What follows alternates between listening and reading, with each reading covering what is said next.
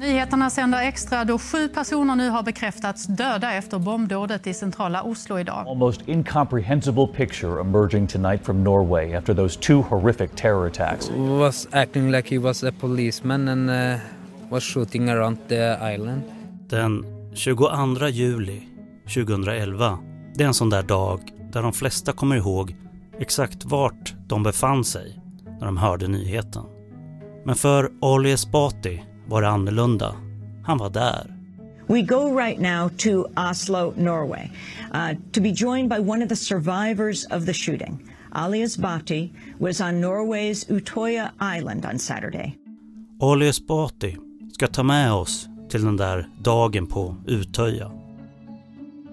Det var ju 69 som, som miste livet där och många fler som var, som var på sjukhus då som blev eh, svårt, eh, lätt eller svårt skadade. Men det handlar lika mycket om de idéer som delas av väldigt många. Det behövs eh, ett slags liksom nätverk av, av idéer eh, där folk eh, så att säga, uppfattar världen på ett gemensamt sätt och, eh, och triggar eh, varandra. Om allt det här skrev Ali Esbati en bok som heter Man kan fly en galning men inte gömma sig för ett samhälle. Tio år efter Utöja. Citat ur boken är inlästa av Figge Norling. Vi tar det från början. Eh, jag eh, kom ju då med eh, den färjan som brukar då föra folk mellan landsidan och, och ön. Jag minns det väldigt tydligt. Jag tänkte oj vad små alla är. Det var både den känslan av att eh, man själv har blivit äldre men, men också att känna igen väldigt mycket liksom, sammanhanget och settingen. Också den här känslan av folk som eh, ja, men är, uppenbarligen typ inte har sovit, som är blöta och, och Eh, varit eh, uppe och, och busat eller vad det kan vara. Och samtidigt då är liksom, nej nu ska vi gå på föreläsningarna när det är dags att gå. Och jag trodde inte det skulle vara så många som var intresserade och skulle prata om, om Sverige och vad Nya Moderaterna har gjort och, eh, och deras strategier. Och så började jag prata då. En liten stund in i föredraget då så märkte jag att det blev, uppstod en slags konstig oro i salen. Att folk började titta på sina telefoner, luta sig mot varandra och viska och sådär. Jag pratade på men så var det någon, någon som räckte upp handen och avbröt och sa att jag tror att det är bra om alla får veta det som några verkar veta. Att eh, eh, det har kommit meddelanden om, om en stor explosion i Oslo i eh, regeringskvarteren. Och det blev snabbt en världsnyhet. This blast was so powerful it blew out windows and damaged buildings throughout central Oslo. We're several hundred yards from where the blast actually took place. Terror has been brought to Norway's Och spekulationer om vem eller vilka det var som låg bakom terrorn hade redan börjat. This raises the specter. Is Norway now the victim of an al-Qaida-attack? Strax efter det, typ samtidigt, och så kom det en slags meddelande över det här, ett normalt gammalt intercom-system där hade de. Där det sades att med anledning av en händelse i Oslo så, så kommer vi direkt efter de här passen är, är klara så kommer det vara eh, stor samling i storsalen då, så alla, alla kommer, kan komma dit och få, få information. Eh, och det var faktiskt att jag, jag, vi kom överens där i salen att jag ändå, vi skulle inte avbryta utan jag körde färdigt föredraget. Jag, jag pratade lite fortare och, och, och sådär. Och, eh, visade den, den sista sliden eh, var en bild på Fredrik Reinfeldt där det stod Don't try this at home. Det tyckte folk var väldigt roligt. Jag kommer ihåg att jag tittade då på min telefon eh, och det var typ sju, åtta missade samtal, alla från, från min mamma då som, eh, som hade då fått nåtts av nyheten om en, om en explosion i, i Oslo och, och, ville kolla var jag var och hur det var med mig. Så jag ringde tillbaka och sa att det, jag är inte i Oslo, jag är på en ö långt bort så det, det är lugnt. Och så ringde jag själv upp eh, Marte då, min dåvarande sambo som var eh, gravid med, med vårt barn kolla vad som hade hänt. Eh, och hon var inte heller i Oslo, hon var ute och köpte grejer på Ikea med sin mamma inför då tillökningen. Och så var det då den här stor eh, samlingen. Deltagarna uppmanas att ta det lugnt och höra av sig till sina vänner och anhöriga. Vi får veta att trafiken in till Oslo för tillfället är avstängd och att man alltså ska vara kvar på ön. Men här är den tryggaste platsen i Norge att vara på nu, slås det fast. Här är vi ju på en ö, tillsammans.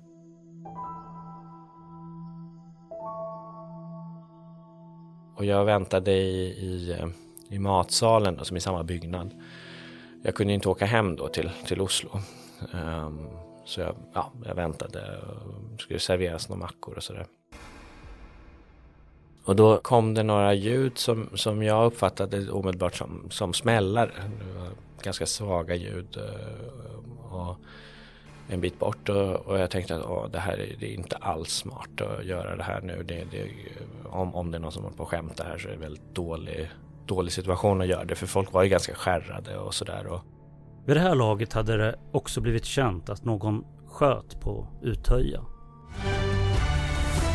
Chefredaktör Knut Magnus Berge i NRK Nyheter. Altså Det som är situationen vi har i Oslo och på Utøya nå, er jo en fortsatt uavklart situation. Dette er jo høgdramatisk, sannsynligvis den mest dramatiska dagen Norge har upplevt på denna sida av andra världskrigen. Polisens presskonferens. Vi har ingen huvudteori, vi har eh, ingen arbetsteori engang. Vi har eh, mer än nog med att skaffa oss en översikt över vad som har skett. Citat ur boken. I några få timmar var det ovisst vem eller vilka som stod bakom terrordåden den 22 juli 2011. Under de timmarna hade flera terrorexperter redan hunnit dra slutsatsen att islamister troligen var ansvariga. CBS News. If this is a terror attack, we have to say now it looks like that, but we don't know for sure. This is a strange mixture. You have what could be a vehicle bomb, some kind of large explosion downtown, and then at a remote island, one gunman. Uh, isn't that strange? It's a little strange, but it, du hör säkerhetsexperten Juan Zarate. This is frankly the message we're hearing from Anwar al-Awlaki and Al-Qaeda in the Arabian Peninsula. Their message in all of these newsletters and publications that they're putting out in their rants is to take advantage of your environment. Don't come fight here with us. Fight in your homeland. Use whatever weapons you have available to you, including regular uh, guns and armaments. Och det lät likadant i Sverige och Norge. Det är troligen al-Qaida, menar den svenske terrorexperten Magnus Ranstorp, slog NRK upp stort. Ranstorps analys byggde bland annat på angreppets omfattning. En annan terrorexpert, Helge Lurås, slog i samma artikel fast att det är naturligt att tänka sig att detta kan kopplas till en konflikt mellan västvärlden i allmänhet och radikal islam. Han höll också öppet för möjligheten att det kunde vara en lokal gruppering från invandrarmiljöer med en antipati mot det norska samhället. Så kom det in en person eh, och ropade ner, ner, alla måste sätta sig ner. Jag tänkte okej, okay, det kanske finns en explosionsfara. Jag satte mig också ner liksom, på, på golvet men var lite så här, oh, nu hoppas det här inte tar för lång tid. Men ljuden fortsatte, de här smällarna då. Och då var det någon igen då som ropade ut, alla måste ut.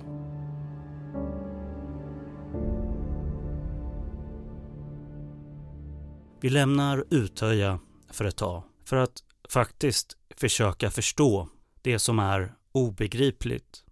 Moa Elf Kalén. Skulle du vilja beskriva det där med hur den här typen av högerextremt våld blir möjligt? Alltså vad är det som krävs i ett samhälle? Vad är det som eh, möjliggör det, den typen av dåd? Om man tittar på eh, de faktiska högerextrema eh, dåden som, som har skett eh, i vår del av världen eller i västvärlden så, eh, så är det klart att det, det behövs eh, ett slags liksom nätverk av, av idéer eh, där folk eh, så att säga, uppfattar världen på ett gemensamt sätt och, eh, och triggar Eh, varandra. Så det är en aspekt av det. Eh, det vi ser är ju att om man har gått in i en världsbild, väldigt starkt gått in i en världsbild där man ser eh, invandringen som en slags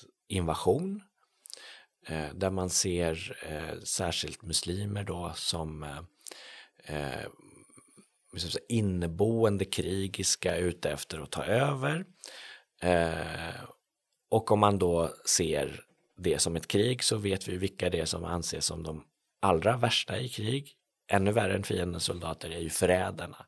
De som är liksom på vår egen sida men är med fienden. Och så ser man ju då, eller beskriver ofta eh, politiker, eh, folk i media, folk i akademin. Eh, och det sättet att se på världen, det är ganska uppenbart att det pekar framåt våldet som en möjlig lösning. Det betyder inte att alla som tänker så, det är ju ganska många dessvärre, kommer att kunna bli liksom våldsamma terrorister. Men det betyder definitivt att vi sänker tröskeln för att radikaliserade personer ska ta det steget.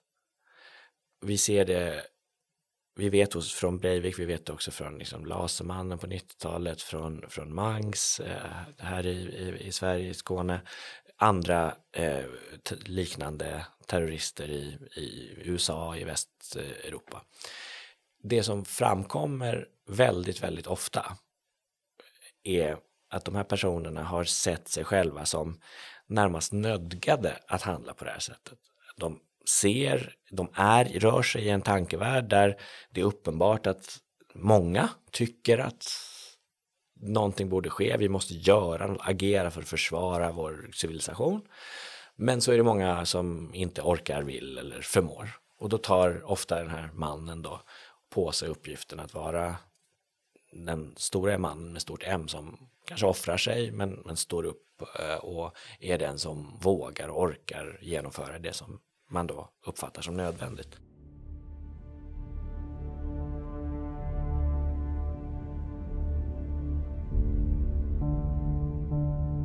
Och då följde jag ju med liksom, strömmen och folk kommer verkligen ihåg att det som jag tänkte framförallt var nu är det jätteviktigt att ingen kommer i kläm, att, att det blir någon sån här, folk skadar sig på grund av panik och så.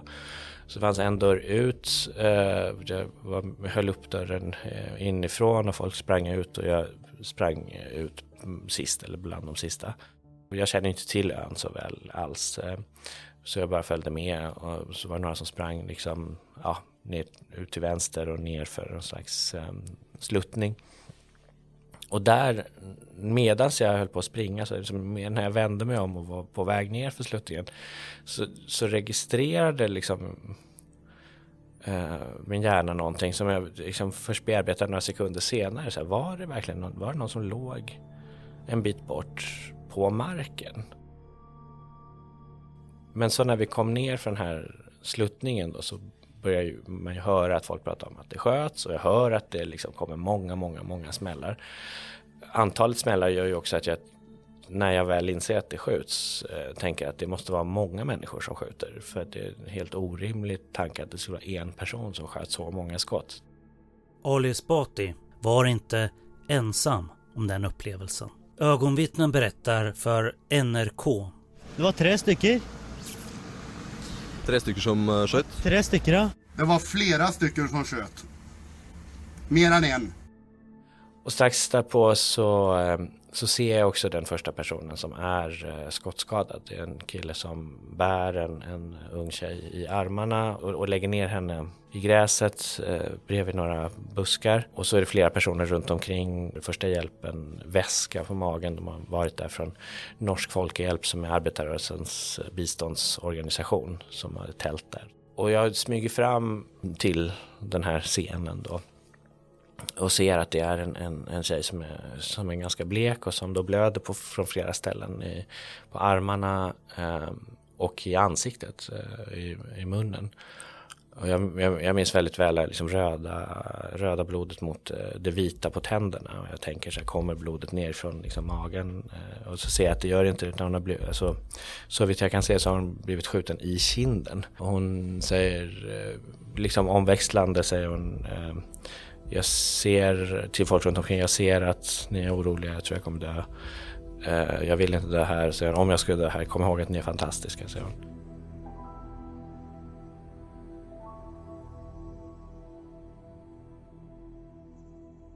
Jag, jag, märker att vi är alldeles för många runt omkring då. Jag känner ju inte någon av de personerna. Så jag, eh, efter att ha ändå liksom försökt att ja, hjälpa till så backar jag tillbaka då. Och så ser jag, tittar på mina händer och har, har liksom blod på händerna och torkar av dem mot det blöta underlaget och mot gräsen. Så ringer jag, jag ringer eh, larmnumret. Eh, kommer fram, eh, de säger att de har fått eh, info om att det händer någonting och att de, vi ska bara försöka gömma oss och komma undan. Um, och eh, att det är hjälp på väg. Människor på fastlandet märker att något inte står rätt till på ön. Någon skyting där, det är inte bra. Alltså. Du hör ljud från en mobilfilm. Där är ju där Arbeiderparticampen är där och det är terror. Och så ringer Marte då. Um, eller först har jag skickat ett sms till Marte där, där jag då skriver uh, Det skjuts här, uh, jag lever. Och jag får svar, hä? Alltså, va? Uh, och uppföljande sms att vad menar du? Och, och så ringer jag upp då och säger att ja, men det, det, är, det är skottlossning av något slag. Och oavsett hur det går kommer jag älska dig. Jag tänker förstås på också att vi ska bli föräldrar.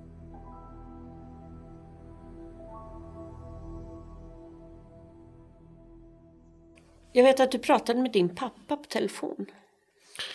Ja, det var senare. Ja. Det var först liksom bara några ord av liksom vanliga, ja, fint att höra. Och så, så sprack hans röst och gick sönder och var, märkte hur otroligt tagen han, han var. Och jag eh, har tänkt mycket på det efteråt. Och det är ju, han, eh, han miste ju flera mm, nära personer. Vi miste, men han miste folk som var riktigt nära honom eh, i kriget eh, Iran Irak och den här känslan av att ehm, hela skälet till att vi hade så att säga lämnat Iran och var i Sverige var ju att det inte skulle hända. Liksom. Och min mamma då som jag hade varit i kontakt med, alltså först så var hon ju, blev hon ju lugnad över att jag inte var i Oslo och så gick det en tid och så kom det något info om att det var något annat som också hade hänt. Mycket tankar om att det var hennes eh, eget fel om jag skulle dö för att hon hade ringt och sådär. Alltså saker som jag tror är, liksom, det är hundratals människor där ute. Eh, släktingar och nära till folk som, eh, både sådana som överlevde men kanske ännu mer sådana som miste livet som, som har haft sådana konstiga, märkliga eh, idéer och tankar om, om skuld eh, de som överlevde kan ha skuld för att de gjorde det. Det är en ganska vanlig, eh, vanlig sak vid sådana här katastrofer och, och terrordåd.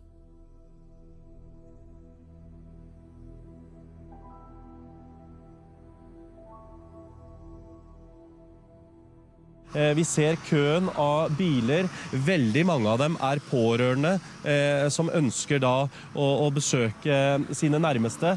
Det er mannskap fra Norsk Folkehjelp som er kalt ut, og som stopper bilene der nede. Lenger enn dit kommer vi ikke. Föräldrar berättar. Og da hylte han og sa det at det kommer en med politiuniform mot oss, og han skyter. Og da løp de, og etter det ble kontakten brutt. For en, litt over en time siden, og da løp han og tre andre for å finne et eller annet sted å gjemme seg. For da hadde hun ene venninna sett en som hadde da blitt skutt. Noe mer enn det vet jeg ikke.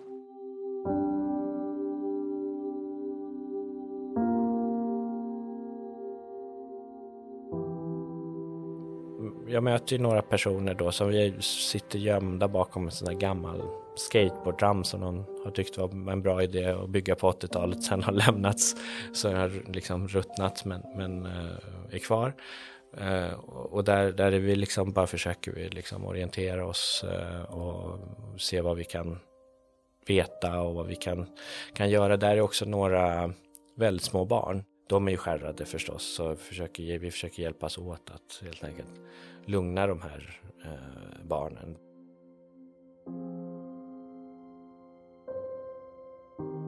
Det kommer springande ett ganska stort antal personer, lite panikslagna och bara springer förbi och det bara liksom blir naturligt att eh, vi också som har suttit där följer med. det är ju starten på en liksom lång eh,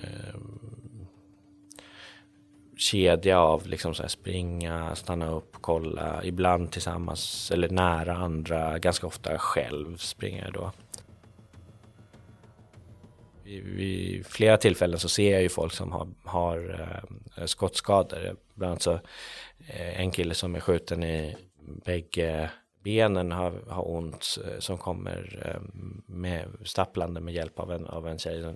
Han, han ligger, eh, ligger ner i, i gräset ett tag då för att för att vila, jag tar av mig min vårjacka och, och ska liksom, man ska, kan ha den över eller under sig eller så.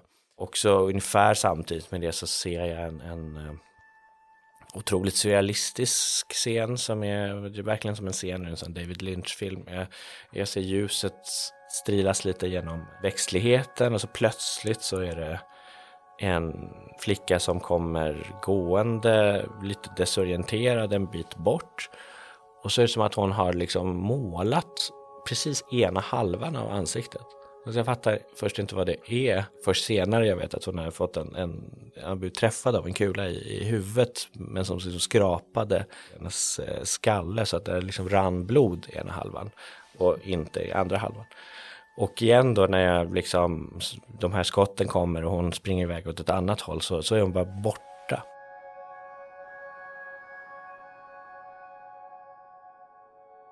Vi lämnar Utöja för ett tag.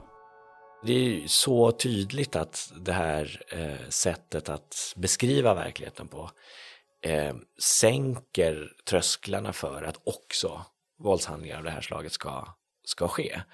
Eh, och det som då gör det väldigt oroväckande, till exempel att leva i Sverige nu, det är ju att se hur precis den här typen av, av eh, tankemönster och idéer har rört sig snabbt från en slags total periferi, det har alltid funnits, men, men varit ganska obetydligt, till att vara liksom mitt i det politiska samtalet. Du hittar folk som är superetablerade debattörer och politiker idag i Sverige som, som beskriver muslimska familjers bara förökning i form av barn som ett problem. Vi har den här fokuset på demografi som är otroligt obehaglig. Vi har också beskrivningen till och med ordagrant av en del aktörer här som förrädare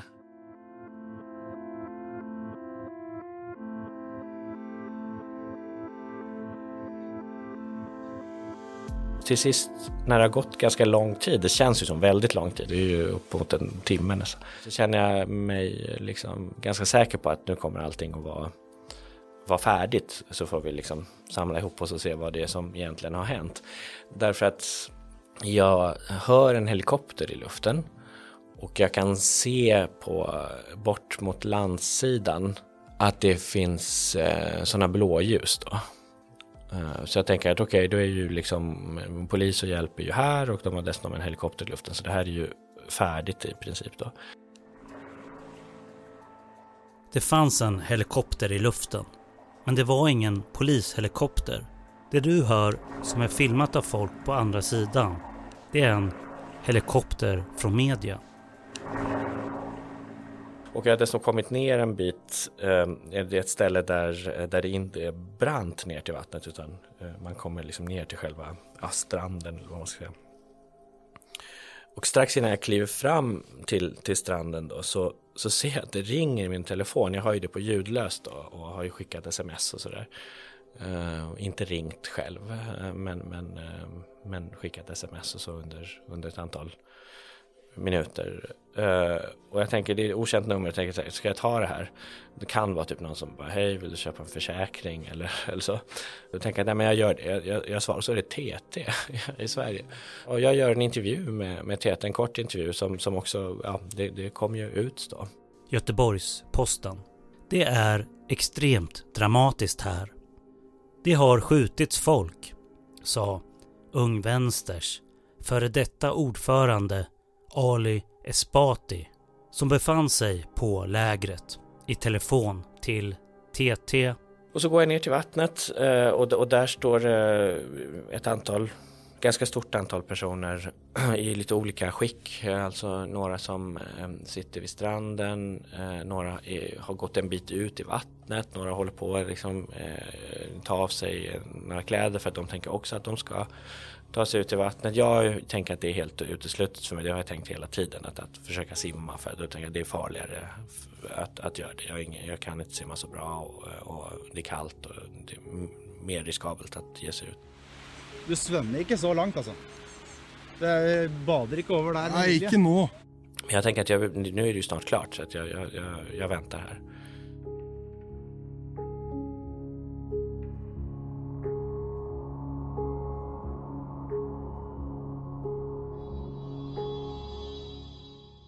Jag tänker en sak som eh, gjorde mig väldigt eh, glad när jag läste manusutkastet till din bok. Det var att du för första gången egentligen som jag har sett i alla fall beskrev närmare om hur det var att komma till Sverige och din egen berättelse. Varför tog det så lång tid för dig att berätta det?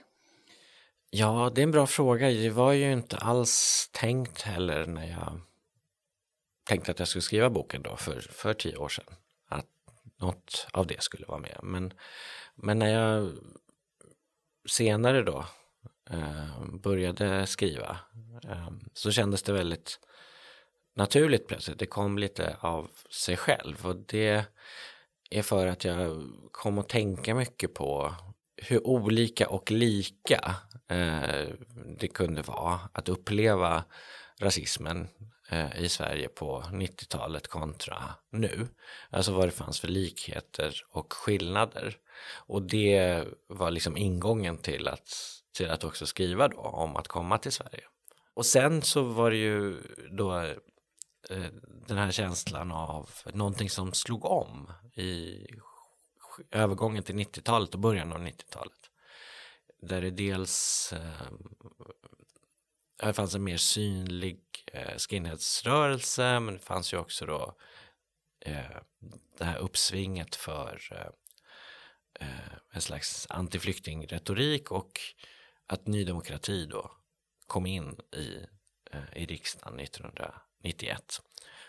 Och så är det Lasermannen då som betydde väldigt mycket för eh, den här känslan av att eh, det fanns folk där ute som faktiskt till och med ville ta livet av en för att man eh, hade annan, annan eh, hårfärg eller hudfärg.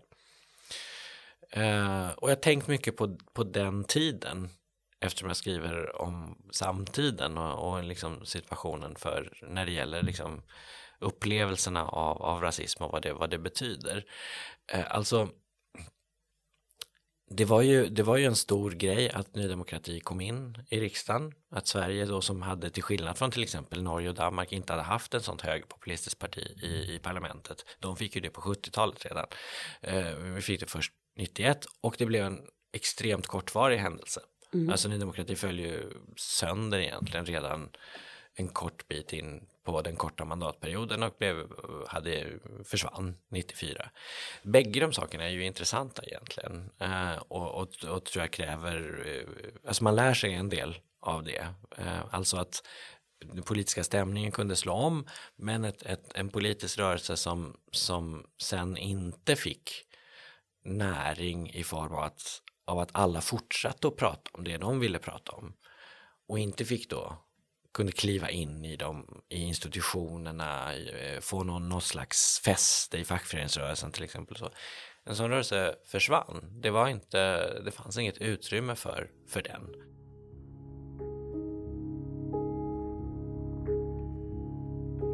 Tillbaka till Utöja.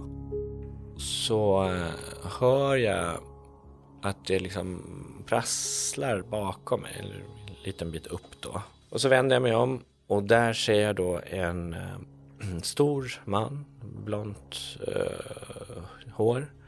Äh, som har en slags svart uniform.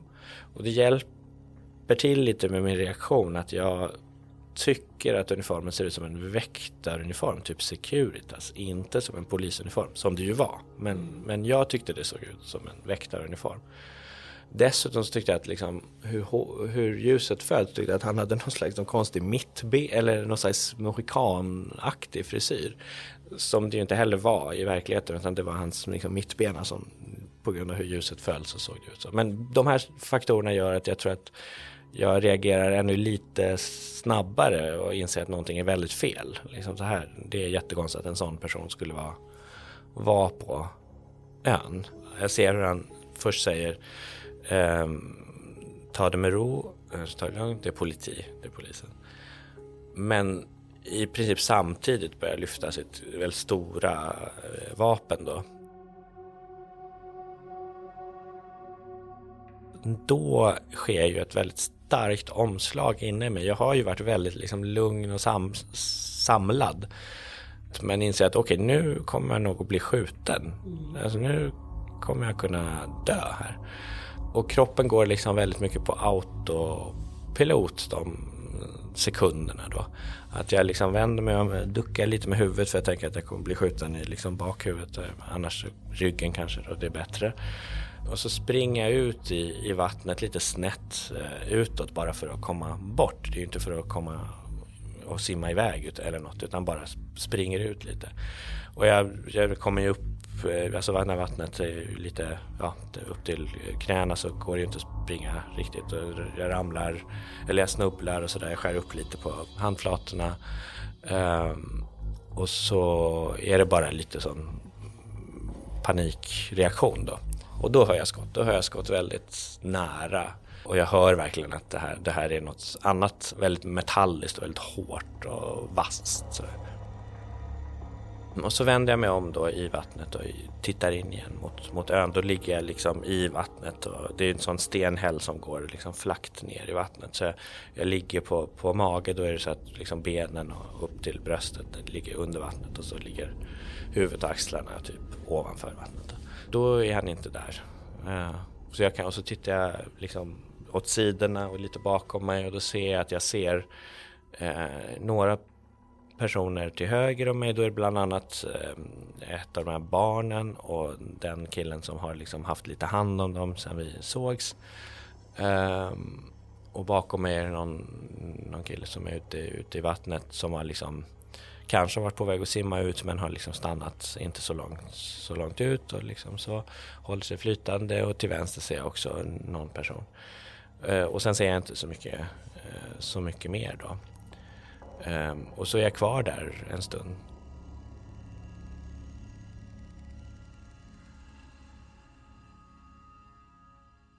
Vi lämnar Utöja för ett tag sena 80-talet och tidiga 90-talet präglades ju för mig som invandrarunge eh, boende i Stockholm av eh, att det fanns liksom nynazister och skinheads.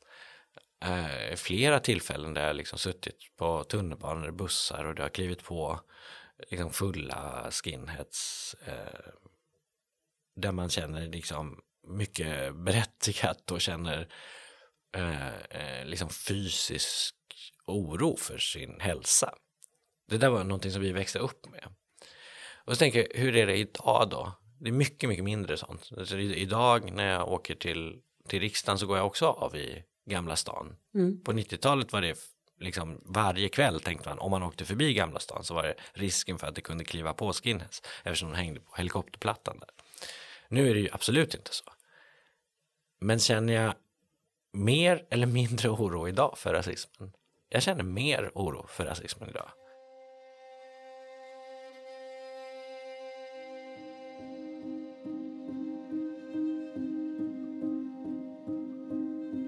Vi gå på, gå på båten. Jag ser att eh, den här killen som har varit lite mer med de här barnen, eh, Björn hette han, han, han liksom ser till så att barnen liksom får komma, inte se riktigt hur det ser ut när de går på båten.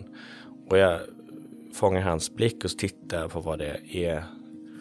Och då inser jag att jag, jag har hela tiden tänkt ah, att okay, där, där borta ligger en flytväst. Så inser jag att det är ingen flytväst utan det är en kropp som, som ligger där i vattnet. Och det är ju också där, där jag var så att säga precis i närheten där som, som han dödade Breivik då, dödade de sista personerna som han mördade. För han blev faktiskt gripen då bara någon, någon minut senare då. En person har gripits efter skottlossningen på Utöja utanför Oslo i Norge. Lägret som de norska Socialdemokraternas ungdomsförbund håller på Utöja varje år har förvandlats till en tragedi. Så får vi komma över eh, till, till landsidan och då är det som att det är liksom ett, eh, ett inferno av, av liksom känslor. Då börjar det liksom mer gå upp för mig vilken omfattning det här har.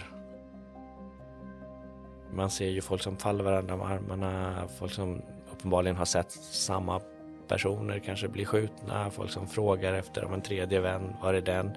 Har föräldrar hunnit komma? Nej, nej, nej, nej. Eh, utan folk gråter, några är apatiska, några är arga. Jag kan inte ge besked till någon att jag har klarat mig utan jag får åka med den här bussen till den här um, hotellet då, som heter Sundvolden hotell. Dit kommer ju så småningom då, föräldrar uh, som ska se om de hittar sina barn.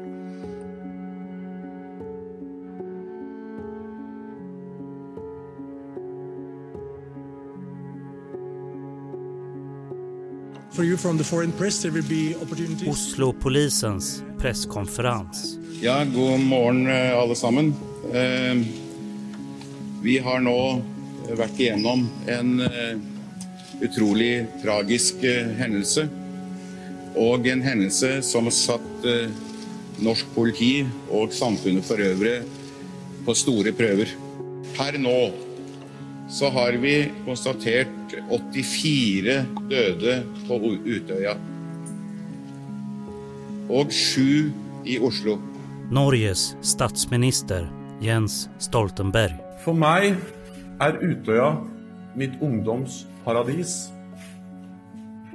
som i går ble forvandlet til et helvete.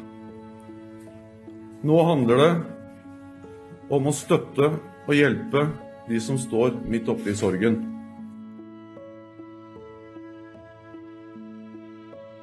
Jag känner mer oro för rasismen idag. Därför att då var det smalt men vast. Alltså man kunde se vilka de var. Mm. Och de var ett reellt hot. De visste att till, man kunde miss, de kunde misshandla folk, till och med slå ihjäl folk. Hänt vid några tillfällen. Men vi visste vilka de var. Och det var absolut inte så att de bestämde vad vartenda avsnitt av samhällsmagasinet Agenda skulle handla om. Det fanns ingen som helst eh, liksom chans eller risk då för att någon av dem skulle kunna bli justitieminister i Sverige. Ehm, det var inte så att alla de andra politiska partierna eller makthavarna inom media eller ehm, byråkratin i Sverige liksom förhöll sig till dem, bjöd in dem, påverkades av dem. Och då blir det också mycket svårare att komma undan så som det är idag än vad det var då. På ett sätt är det ju det som är liksom titeln på boken. Att man, man kan eh, man kan springa ifrån en, en ensam galning eh, i eh, bästa fall. Men man kan faktiskt inte gömma sig för ett helt samhälle. Då är det något annat som behöver ske. Då behöver man ändra det samhället för att, för att kunna återvinna en känsla av eh, trygghet i sitt eget samhälle, i sitt eget land.